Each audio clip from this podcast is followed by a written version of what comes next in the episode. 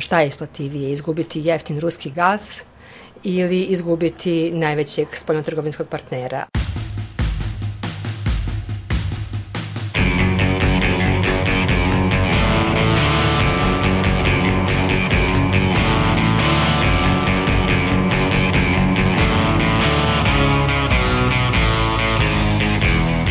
Slušate podcast Reaguj nezavisnog društva novinara Vojvodine. Moje ime je Iva Gajić, a na podcastu rade i Irena Čučković, Sanja Kosović i Sanja Đorđević. Kada ste poslednji put bili u prilici da ozbiljno shvatite kovani novac? Globalna i lokalna pandemijska kriza uticala je na to da istu novčanicu možemo da menjamo za mnogo manje stvari nego što smo to mogli pre par godina. Međutim, nije samo COVID uticao na smanjenu vrednost novca. U ovoj epizodi govorimo o inflaciji. Želili smo da krenemo od samih preduzetnika, a na čiji je posao pandemija i tekako uticala. Stefan Knežić iz cateringa Indeks Anđela iz Petrovaradina kaže da je porast cena doveo do velikih gubitaka. Mogu reći da je dosta problema stvorilo i veliki gubitak novca. A, gubitak novca se odnosio na to što je povećanje cena išlo jako brzo i nis, dok vi stignete da promenite vaše cene, da objasnite vašim mušterijama, da im pošaljete dopis ili kako god, prođe vreme i u samom tom periodu dok vi završite taj proces kod vas, plaćate skuplju hranu i onda je apsolutno manja dobit. A drugi problem kod povećanja cena je što apsolutno nije bilo moguće predvideti rast cena. Tako je bilo otežano i raditi nabavku. U smislu veliki su porasti, nagli porasti cena su bili. Naprimer, ulje nakon par meseci otešlo za oko 80% gore, odnosno bilo je skuplje. Onda nakon mesec dana vidite osetan pad i vi se nadate još većim padom, međutim opet bude porast totalna nelogičnost u odnosu sa pređašnjim godinama i mojim pređašnjim iskustvom. Očekivano zbog porasti cena namirnica u cateringu Indeks Anđela podigli su cene i svojih proizvoda. Ipak, Knežić objašnjava da to nije bilo dovoljno. Da, da, podigli smo cene postepeno i tu nam je zaista bio veliki gubitak, jer mi prodajemo jednu namirnicu koja se sastoji kada vi nabavljate, vi morate nabaviti više namirnica. I sada recimo ako tri od tih deset sastojaka poskupe kao što su recimo mleko, jaja, ulje, trudite se ne ponete odmah cenu, međutim ubrzo nakon toga poskupi i brašno, pa poskupi i meso i onda ovaj, dok vi promenite sve to, vi ste tu već radili za manju razliku. Zbog velikih gubitaka same firme bilo je teško povećati plate radnika, objašnjava Knežić.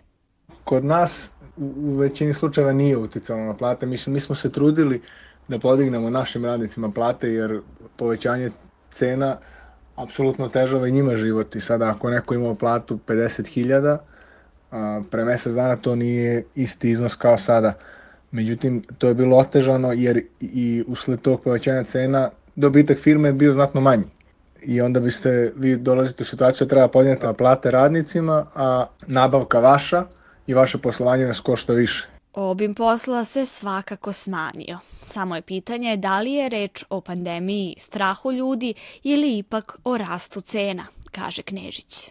Naša sfera poslovanja se deli na dve grane. Deli se na ljude koji dolaze u lokal, kupuju hranu i na firme s kojima radimo catering.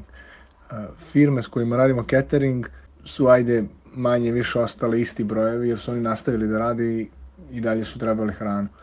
Međutim, osetan pad je nastao kod ljudi koji dolaze u radnju samim tim što su ljudi u većem strahu, manje izlazi iz kuće, pa verovatno i taj porast cena kod nas je smanjio broj ljudi, da kažemo, privatnih lica koje kupuju, koje kupuju hranu kod nas. Kada je u pitanju trenutna situacija, rat u Ukrajini i još veće moguće inflacije, Stefan Knežić kaže da ne može dati validan sud kako će to uticati na preduzetnike, ali da očekuje da će se rast cena nastaviti. Prethodnih pola godine sva neka naša predviđanja kako će se cene kretati su bila pogrešna, jer niko nije mogao da nasluti da će biti toliki porast cena. Takođe i nekim drugim oblastima, na primjer nekretninama, gdje po meni bilo logično da cene padaju, došlo je do još većeg porasta. Tako da ne bih se usudio da, da predviđam. Iskreno mislim da hoće, jer kako je ta neka tendencija konstantnog rasta cena, ne vidim kako bi se, zašto bi se obustila kad je ova situacija u pitanju. Ali ne bih, ne bih dao ozbiljni sud, jer je zaista, zaista jako teško pretpostaviti šta će se desiti u tom smislu. Osim na preduzetnike, hajde da vidimo na koga još utiče inflacija. Imamo jedan od najvećih cena goriva u Evropi, što direktno utiče na poljoprivrednu proizvodnju, a samim tim i na cenu hrane na rafovima. Nedavno zamrzavanje cene dizela kao i cena nekih osnovnih životnih namirnica oročeno je do perioda izbora, pa osim marketinškog nema druge svrhe, objašnjava Slađana Glušević iz Agrosmarta, portala Pametne poljoprivrede. Porast cena goriva uh, u mnogome utiče na poljoprivrednu proizvodnju i na produktivnost i na kasnije naravno rezultate koje postužimo u poljoprivredi. Nažalost, to je goruća tema, već godinama tema koja se ne rešava uprkos većanjima ne samo ovog aktuelnog ministra, nego i mnogih prethodnih. To je energent koji u velikom procentu ima udjela u poljoprivrednoj proizvodnji i zaista cijene goriva mnogo toga zavisi. Poljoprivrednici su s pravom nezadovoljni, ranije su imali mnogo mnoge olakšice kada je to u pitanju, imali su regresirano gorivo, imali su još neke druge vidove olakšica, međutim unazad nekoliko godina apsolutno od toga ništa nemaju, osim što imaju najskuplje gorivo u Evropi i zaista nije jasno kako država može da bude potpuno slijepa pred tim problemom. Jedino što je preduzela u poslednje vrijeme, dakle imali smo cijene goriva koje su dostizale i prestizale, dizel je bio preko 180, 186 dinara ili koliko već je dostigao što je zaista bilo nedopustivo i jedino što je država uradila to je ova nedavna mjera da se cijene ograniče. Međutim, kao što je donijela uredbu o ograničenju cijena osnovnih nekih životnih namirnica i ova mjera koja se odnosi na gorivo je kratkog daha, oročena je i što je indikativno i jedna i druga mjera su oročene nekako sa onim datumima približnim izborima, dakle već nakon izbora. Proći će i to oročenje i onda ćemo vidjeti vidjeti kako i sa gorivom dalje, kako i sa cijenama osnovnih namirnica dalje. Nije jasno zašto država ne izađe u susret poljoprivrednicima oslobađanjem akciza, ne samo poljoprivrednicima, ne oslobađanjem, nego smanjenjem akciza, kao što je to uradila Bosna i Hercegovina, izvodljivo je očigledno, ali kod nas nije. Pandemija je, pored briga za zdravlje, mnogim ljudima donela i, kao što smo čuli, finansijske brige. I to ne samo u Srbiji. Čini se da u čitavom svetu raste nivo inflacije. Tako je Biro za statistiku u Americi izvestio javnost da se inflacija u SAD u januaru popela na najviši nivo u poslednjih 40 godina, te su potrošačke cene porasle za 7,5% u odnosu na pre godinu dana. Porast u istraživanju indeksa potrošačkih cena, koji meri troškove širokog spektra dobara, tada je bio najveći od februara 1982. godine. U Americi su na kraju prošle godine cene energije porasle na čak 29,3%. Cene hrane veće su 6,5%, troškovi stanovanja 4,1%, a snažno su porasle i cene polovnih automobila za 37,3%, pokazuje objavljeni izveštaj Ministarstva rada. Amerika nije usamljeni slučaj. Tako i Velika Britanija ne zostaje mnogo za njom, gde su potrošačke cene porasle za 5,4%. Po pisanju Radija Slobodne Evrope, u januaru je inflacija rekordno skočila i u eurozoni. Kako se navodi u tekstu Radija Slobodne Evrope, inflacija je dostigla 5,1% u januaru, prvi put od kada agencija Eurostat prikuplja podatke od 1997. godine. Energenti su zabeležili skok od 28,6% inflacije u eurozoni tokom januara, hrana, alkohol i duvan zabeležili su rast od 3,6%, dok su usluge porasle za skoro 2,5%. A kako je došlo do ove situacije? Svakako ne preko noći. Posledica ovih brojki je posledica kriza izazvane pandemijom COVID-19. To potvrđuje i Goran Radosavljević, ekonomista i profesor na FEFA fakultetu, koji kaže da je pandemija koronavirusa imala više struk uticaj na inflaciju. Podsjetit ću, imali smo na samom početku inflacije, na samom početku pandemije jako oštar pad određenih cena, pre svega cena energenata, a onda i cena nekih drugih proizvoda, do pada cena je došlo pre svega zbog pada tražnje. za tim proizvodima i generalno pada, pada potrošnje i različitih nekih drugih objektivni. Imali smo zatvaranje, imali smo generalno ekonomsku stagnaciju i došlo je do, do, do smanjenja cena. Nakon toga, naravno, pošto smo bili, ja, ja tu navodim kao tipičan primjer da je cena dizela pala na 130 dinara sa skoro 180 jednog trenutka, za samo nekoliko meseci, ali pošto su ljudi bili zatvoreni i nisu mnogo toliko koristili automobile, oni to prosto nisu ni osetili. Znači imali ste, to se ekonomi zove paradoks, imali ste situaciju da je pala cena i pale tražnje. Što, što nije običajna situacija, obično kad nešto pojeftini poraste tražnje, sad ste imali obrnutu situaciju. Sad, u takvim jednim uslovima ste vi imali nakon 2020. godine 2021. projekcije kada će sve da izađe iz, iz pandemije. I sve projekcije su pokazivale da će trebati nekoliko godina, one prve projekcije čak i MMF su bile 22. 23. tako dalje, neki sektori čak 24. Međutim, svet je, uprkos ovakvim projekcijama, smatra naš sagovornik, prošle godine izašao iz krize. Ovaj neočekivani rast tražnje doveo je i do rasta cena. Čak se i grana koja je najviše bila poguđena krizom turizma, turizam našlo na nekih 70-80, u nekim slučajima i 90% nivoa pre, pre krize, već se sada u 22. sigurno vraća na nivo, nivo pre krize ili preko toga. Taj oštar rast tražnje u 2021. godini mnogo veći nego što je bilo prognozirano, uticao je na rast cena. Znači imali ste rast tražnje, taj rast tražnje nije mogao da bude zadovoljen brzim rastom ponude, jer se pod A nije očekivalo da će tražnja biti toliko velika i pod B nije mogla ponuda tako brzo da zadovolji tu tražnju. I došlo je naravno do rasta cena kao kao jedan prirodan proces. Najtipičniji opet primjer na, na, u, u, za, za, za to je opet sektor energetike i, i cena energenaka gde, gde se bukvalno za nekoliko meseci cena sa tog padala je godinu dana i onda se za nekoliko meseci cena nafte na svetskom tržištu vratila na, na neki nivo pre, pre krizi, sad ga, već, sad ga već dostigla. Još tipične situacije na tržištu gasa gde se opet e, evropske države pre svega i, i, i neke druge nisu planirale toliko potrošnju gasa, onda se nisu na vreme snabdjeli, nisu na vreme naručili količini i tako dalje, ili, ili ne, skladištili neke rezerve, onda je došlo do rasta cena, cena gasa i svesni smo toga da se cena gasa otišla sa 200-300 na preko 2000 dolara u jednom trenutku. I slična, slična situacija sa, sa, sa nekim drugim robama. Naravno, nije jedino pandemija uticala na, na rast cene, bili tu nekih drugih efekata, pričat ćemo njima, ali pandemija je u velikoj meri dovela da se pro, do prošle godine gotovo čitava Evropa ima veoma visoku inflaciju, gde obično inflacija kada dođe do 2% u Evropi, ona je jako visoka, prošle godine, evo sada sa januarom mesecom 5,6%. Radosavljević objašnjava i da ako pogledamo indeks rasta cena u Evropskoj uniji ili eurozoni, najveći deo toga je inflacija energenata, i to 27%.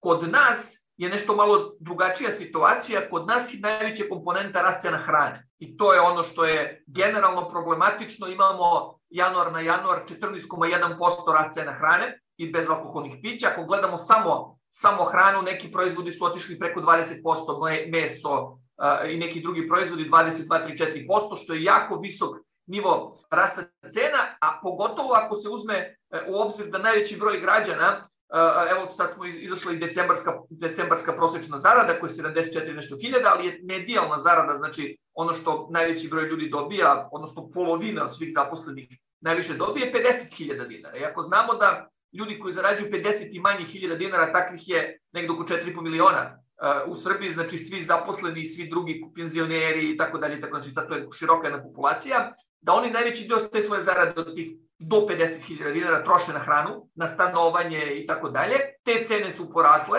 cene energenata su porasle, za njih inflacija nije bila 7-8% koliko je zvanično, za njih inflacija bila gotovo 20%. Govoreći o uticaju jednokratnih davanja državne pomoći na inflaciju, ekonomista Goran Radosavljević smatra da ona jesu delimično uticala na inflaciju.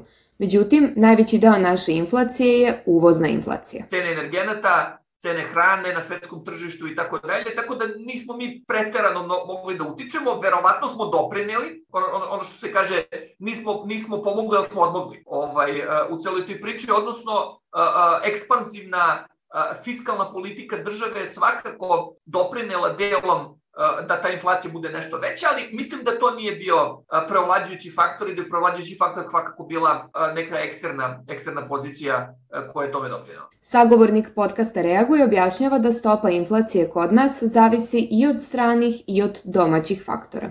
Trebalo bi da su cene hrane pod uticajem domaćih cena, međutim sama proizvodnja hrane zavisi dosta od uvoznih faktora, mi više nemamo ne, ne proizvodimo više veštačko đubrivo, uvozimo ga, cena je na svetskom tržištu porasla, samim tim je porasla i kod nas. Subvencije su značajno smanjene za poljoprivredu, pa samim tim to dodatno utiče na rast na rast cena, naftni derivati dizel je značajno porastao za poljoprivredu, tako da sve to uticalo, sve te komponente su uticale da dođe u, u nekoj konačnici do rasta, do rasta cena hrane, svakako direktno uh, troškovi transporta su direktno pod uticajem cena energenata koji se uvoze, i, i on, ono što kod nas nije, i to je, to je verovatno razlog zašto inflacija nije bila mnogo veća, a to je da su kod nas određene cene, cene električne energije, cene gasa administrativno još uvek određene. Znači imamo slobodno određivanje cena naftnih derivata, trgovci ga slobodno određuju na tržištu, ali što se tiče cene struje, one administrativno određena i, i država nije dozvolila da, da dođe do rasta cena struje, iako je struje uh, u, u, Evropi pre svega porasla. Tako da smo imali jednu paradoksalnu situaciju da smo uvozili uh, struju po 300, dolar, po 300 evra jednog trenutka, a prodavali smo je po 50 ili, ili, ili, ili čak i po manje. Radosavljević kaže da je slična situacija i sa gasom. Cena gasa je takođe za domaćinstva administrativno određena, za preduzeće postoji delimično slobodno tržište i ona takođe nije povećana. Međutim, nas će to sačekati u nekom trenutku i ili će se desiti da će se te cene povećati, pa na taj način e, ublažiti neki gubici, ili će kompanije u ovom slučaju EPS i, i, i Srbije gas trpiti velike gubitke, pa ćemo onda u nekom trenutku, kao što se to bivalo u istoriji, u stvari u bliskoj prošlosti, e, država da preuzme te gubitke kao svoj javni dug, pa će građani opet kroz javni dug da vrate. Znači neće platiti sada kroz struju, ali će platiti na nekom, u nekom sledećem koraku kroz neke, kroz neke povećane e, porezi, kroz neki javni dug. Ali u suštinski, kao što sam rekao, mi jesmo kao, kao otvorena uh, ekonomija poprilično zavisni od, e, od inflacije, pre svega od inflacije u Evropi, s obzirom da je 60%, ako, ako uključimo ove zemlje regiona, gotovo 80% spoljne trgovinske razmene vezano za Evropu, apsolutno smo e, vezani sve što se njima ekonomski dešava se pre ili kasnije prelije kod nas. Ipak postoji više načina na koje je moguće kontrolisati inflaciju možete e, da određenim stvaranjem određenih rezervi, određenih roba i usluga utičete na kretanje cena. Tome tipično služe, poznato je, robne rezerve, služe rezerve e, nafte i gasa, služe rezerve e, nekih osnovnih sirovina za poljoprivredu i tako dalje, gde čak i poljoprivrednih proizvoda u određenim, određenim periodima godine, gde se država najčešće pojavlja kao neko ko otkupljuje određene proizvode kada su cene niske, da bi držala neki nivo cene, odnosno prodaje ih, vraća ih, pušta ih na tržište, povećava ponudu kada je cena, cena visoka da bi opet držala te cene, te cene niske. Sa druge strane, opet a, tipično je za gas. Gas kupujete preko leta kada se ne troši, kada se ne grejete, kada i tako dalje, kada ga troši samo industrija, a trošite i skladištite ga, tada je jeftiniji, a trošite ga te količine preko zime, kada, pogotovo kada imate višak potrošnje, jer, jer gas kao i struja a, a, prosto u onom trenutku kada urgentno treba da ga kupite, ta cena je više struko veća od onoga što da ste redovno kupovali. Tako da postoje naravno različiti instrumenti, Evropa na tome već dugo, dugo godina radi, mi smo počeli da radimo na tome, u istinu ne toliko koliko bi koliko smo mogli, koliko bi koliko je možda trebalo. Inflacija prvo i najviše pogađa siromašne. Svet se nalazi u jednoj velikoj energetskoj tranziciji gde će energija mnogo više uticati na sve sfere ekonomske pa i na inflaciju i bilo bi dobro da prosto država počne da se priprema za nešto tako i da, i da pravi rezerve. Čuli smo od predsjednika da smo kupili pasulj, grašak i ne znam, tamo brašno i, ne, i neke druge robe. Mislim i to je dobro ako je ako se koristi e, u prave svrhe, jer kao što sam rekao, cilj države je da kupi određene robe kada su kada je njihova cena niska da bi podržalo da, da, da, da ne padne ta cena i obrnuto da ih proda kada je cena visoka. I to me služe, kao što sam rekao, robne rezerve. Znači, postoje mehanizmi, nisu, nisu jednostavni, niko ne može da se, se pripremi za jako dug vremenski period, da, da, da brani neku inflaciju i tako dalje, ali prosto ono što treba i što se može iskontrolisati, što bi bilo poželjeno, da ti skokovi ne budu, da ne budu visoki i učestali. Znači, vi ste imali cenu, ajde da kažem, naftnih derivata koji su sa 140 odjednom otišli na 180.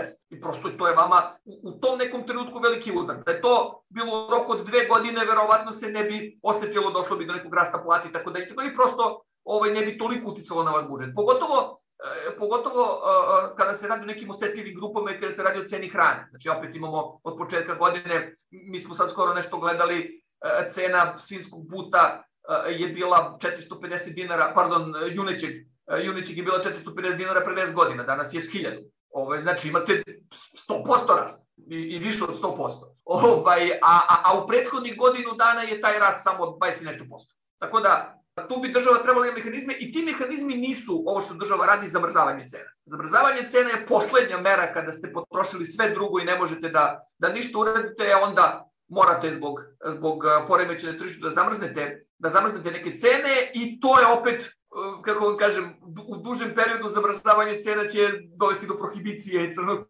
tržišta i sve ostalo što smo videli u ostalim 90. godina. Cena hleba je bila 3 dinara, ali niste mogli po 3 dinara da kupite nigde, tako? Tako da, Govoreći o aktuelnoj krizi u Ukrajini i njenom potencijalnom uticaju na srpsku ekonomiju, Radosavljević kaže da će se ona, kao i svaka kriza, prije ili kasnije odraziti i na nas kao i na ostale države Evrope. Ali ne direktno, jer naša zavisnost od saradnje sa Ukrajinom i Rusijom nije toliko velika. Osim uvoza energenata, ali za sada u toj sferi ne vidim neku potencijalnu krizu, iskren da budem mislim da, s obzirom da je Evropa u velikoj zavisnosti od uh, energenata iz Rusije, pre svega mislim na gas, pošto prosto naftu možete da kupite negde druge na tržištu, ovaj, da se za sada ne vidi naravno koliko ova situacija potraje sve, sve moguće. Ali, ali suštinski, ako posmatramo statistički, mali obim prometa je i neće u globalu to mnogo uticati, ali za one, za one privrednike kojima je ta saradnja sa Ukrajinom 100%, njima ćete uticati 100%. Dakle, ako parcijalno posmatramo, imali smo danas neki sastanak u prirodne, odnosno prirodna komora organizovala neki sastanak da se vidi sa, sa kompanijama koji sarađuju isključivo s Ukrajinom.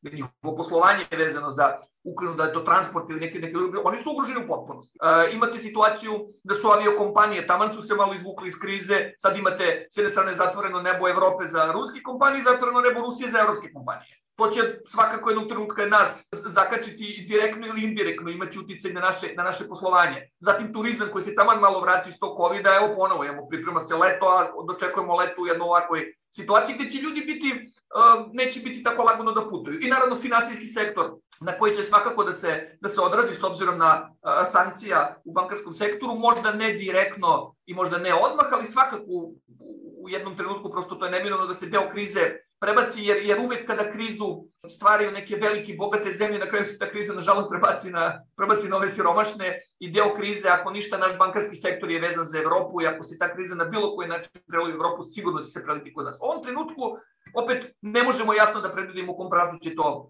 uh, ići. Makluanovo globalno selo može se primeniti i na princip ekonomije. Ja, jako teško i jako neodgovorno reći da neće kriza nas nas će sigurno zaobići, prosto svet je uh, jedno globalno selo i na ovaj na ovaj način kriza će vas uh, dotaći, ali u ovom trenutku ne možemo da procenimo razmere te krize i ukoliko ova situacija se brzo završi i ukoliko su oni narednih dana dogovore da se vrate neke početne pozicije, pa te sankcije su ublaže, verovatno neće to ostaviti tako velike posledice. Svakako, treba biti obazriv i treba pratiti šta, šta, šta, su to, šta su dešavanja na svetskom, pre svega finansijskom tržištu.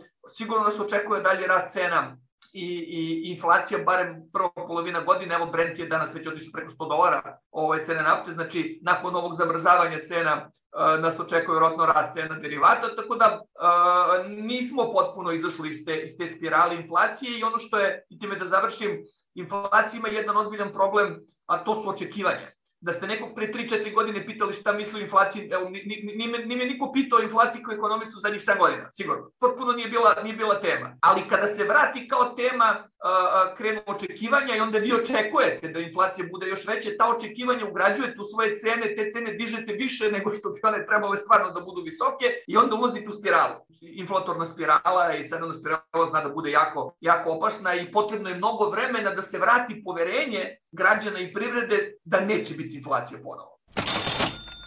Sanja, ti si istraživala kako je pandemija pogodila globalno tržište. Kaži nam, šta si pronašla? Pa Sanja, inflacija nastala kao posledica pandemije brine ekonomske stručnjake već mesecima. Tako je Institut za međunarodne ekonomske studije iz Beča u zimskoj prognozi procenio da je visoka inflacija najveći rizik za ekonomski oporavak u regionu centralne, istočne i jugoistočne Evrope, te su ocenili da je taj rizik veći i od same pandemije. Tako prenosi nova ekonomija. Tako je rusko-ukrajinski rat pogoršao situaciju. Nakon ruske invazije na Ukrajinu, akcije su pale na berzama širom sveta. Kako N1 prenosi šok od ruskog napada na Ukrajinu izazvao je strah na tržištima kapitala i podigao pritisak na visoku inflaciju koja svakako već opterećuje svetsku privredu. Pored ljudske patnje, čini se da će ovaj sukob uticati na još veći porast cena. Kako N1 navodi, Rusija i Ukrajina su, pored energetskih proizvoda, vodeći proizvođači žitarica i druge robe, a ovaj rat i sankcije bi mogle da poremete globalno snabdevanje. Sve loše utiče na cenu povrća, voća i mesa. Trenutna zvanična stopa inflacije je oko 7%, što treba uzeti sa rezervom jer se potrošačima ove cene čine više struko veće. Za očekivati su još veće poskupljenje jer i na globalnom tržištu situacija nije dobra. Srbija je jedna mala ekonomija bez jakih ekonomskih odbranbenih mehanizama i sve što se dešava na globalnom planu vrlo utiče i na domaću privredu. Tako da ne možemo biti optimisti. Imamo sad jako komplikovanu, da kažem, situaciju pošto imamo inflaciju na globalnom nivou koja je jel, prešla na, na, na nas kao posljedica nekoliko stvari. Recimo kao posljedica rasta potražnje zbog ekspanzivne politike centralnih banaka da više novca gurnu u sistem ne bili predupredili recesije. Dalje imamo pad proizvodnje na svjetskom tržištu. Imali smo kao posljedicu pandemijske krize nemogućnost otežan transport. Sve to je uslovilo rast cijena na svjetskim berzama. Kad govorimo o cijenama mislim na cijene poljoprivrednih proizvoda i automatski se taj rast cijena prelio kod nas. Tako da mi imamo sad rekordne cijene, mislim već još prošle godine imamo rekordne cijene soje, kukuruza. Evo sad imamo kukuruz od 29 dinara, imam u stvari blizu 30 dinara. Imamo pšenicu na zeleno koja je krenula sa 28 e, dinara bez PDV-a. Imamo rekordne prošlogodišnje cijene soje koje su dostizale 70, ne znam, 6-7 dinara, što je zaista ogromno poskupljenje tarica. Pritome imamo skupo gorivo o kojem smo pričali, na sve to skupo đubrivo koje je unazad nekoliko meseci, u stvari godinu dana, otišlo i 200%. Kao što smo već napomenule, na cenu hrane kod nas uticaće i trenutni rat u Ukrajini, koji je veliki agrarni igrač na globalnoj berzi. Međutim, odluka da se sedi na dve stolice pa da se sa obe padne nije dobro proračunata, smatra Glušević. Da, imamo mi izvoz u Rusiju, imamo mi dobar spoljnotrgovinski odnos sa Rusijom. Dakle, od 2003. godine čini mi se imamo potpisan taj slobodan režim sa Rusijom, ali od 2021. godine smo i proširili takav trgovinski odnos i sa zemljama zemljama, evroazijskim zemljama, pa imamo u toj Uniji i Kirgistan, Kazahstan, Belorusiju, Gruziju i Rusiju naravno. Dakle, ne vidim još efekta od, od te Unije. E, do duše, hajde da sad ovaj, e, ne budem maliciozna, e, dakle, to se desilo prošle godine, ali hajde da se držimo, da držimo samo na Rusiji. Dakle, imamo spoljnotrgovinsku razmenu sa Rusijom u iznosu od nekih 5% ukupne naše spoljnotrgovinske razmene. Sa druge strane imamo Evropsku uniju koja je naš najveći spoljno-trgovinski partner. Dakle, naša spoljna trgovina sa Evropskom unijom iznosi preko 60 procenata naše ukupne spoljne trgovine. E sad, ako pogledamo uh, ovaj izvoz od 5, uzvar ne izvoz, nego spoljno-trgovinsku razmenu od 5% i ove ovamo brojke, mislim zaista je očigledno ko nam je zapravo važniji partner, da tako kažem. Mi u politici prema Evropskoj uniji i Rusiji imamo tu famoznu politiku dvije stolice, ali imamo je i u ekonomiji ekonomiji. Međutim, plašim se da ona neće opstati dugo zato što zaista ne znam da li je vrijedno. U stvari treba neko da nam kaže da li su rađene neke procjene, neko od stručnjaka, neko od, iz, državnog vrha da kaže da li su rađene ekonomske procjene efikasnosti i efektivnosti tih odnosa. Šta je isplativije? Izgubiti jeftin ruski gas ili izgubiti najvećeg spoljnotrgovinskog partnera. Rešenje je odgovornije i pametnije upravljanje od strane države, navodi naša sagovornica iz Agrosmarta. Pa upravo ono što su poljoprivrednici tražili u tim svojim zahtjevima prema ministarstvu, da, dakle da, se, da, da, da im se daju neke olakšice kada je reč o gorivu, da li je izvoljivo da se smanje akcize ili ne, ali u svakom slučaju regresi olakšice, da se povećaju subvencije, da se zabrani nekontrolisan uvoz prije svega mesa, mesnih prerada, prerađevina iz evropskih i drugih zemalja, zato što i taj uvoz na sve ove poteškoće primarnih poljoprivrednih proizvođača s obzirom na visoke cijene inputa njihove proizvodnje dodatno opterećuje tu proizvodnju i povećava naravno njihovu cijenu. Ovime završavamo 90. epizodu podcasta Reagu i ostavljamo vam zadatak. Zamislite da imate 1000 dinara. Šta je sve moglo za taj novac da stane u korpu pre tri godine, a šta može sada? Pišite nam odgovore u Facebook grupi i na Instagram stranici, ali i na TikToku i na mailu podcast.ndnv.org. Slušamo se ponovo uskoro, a do tada ne zaboravite da čekamo na vas, vaše komentare, iskustva i predloge tema.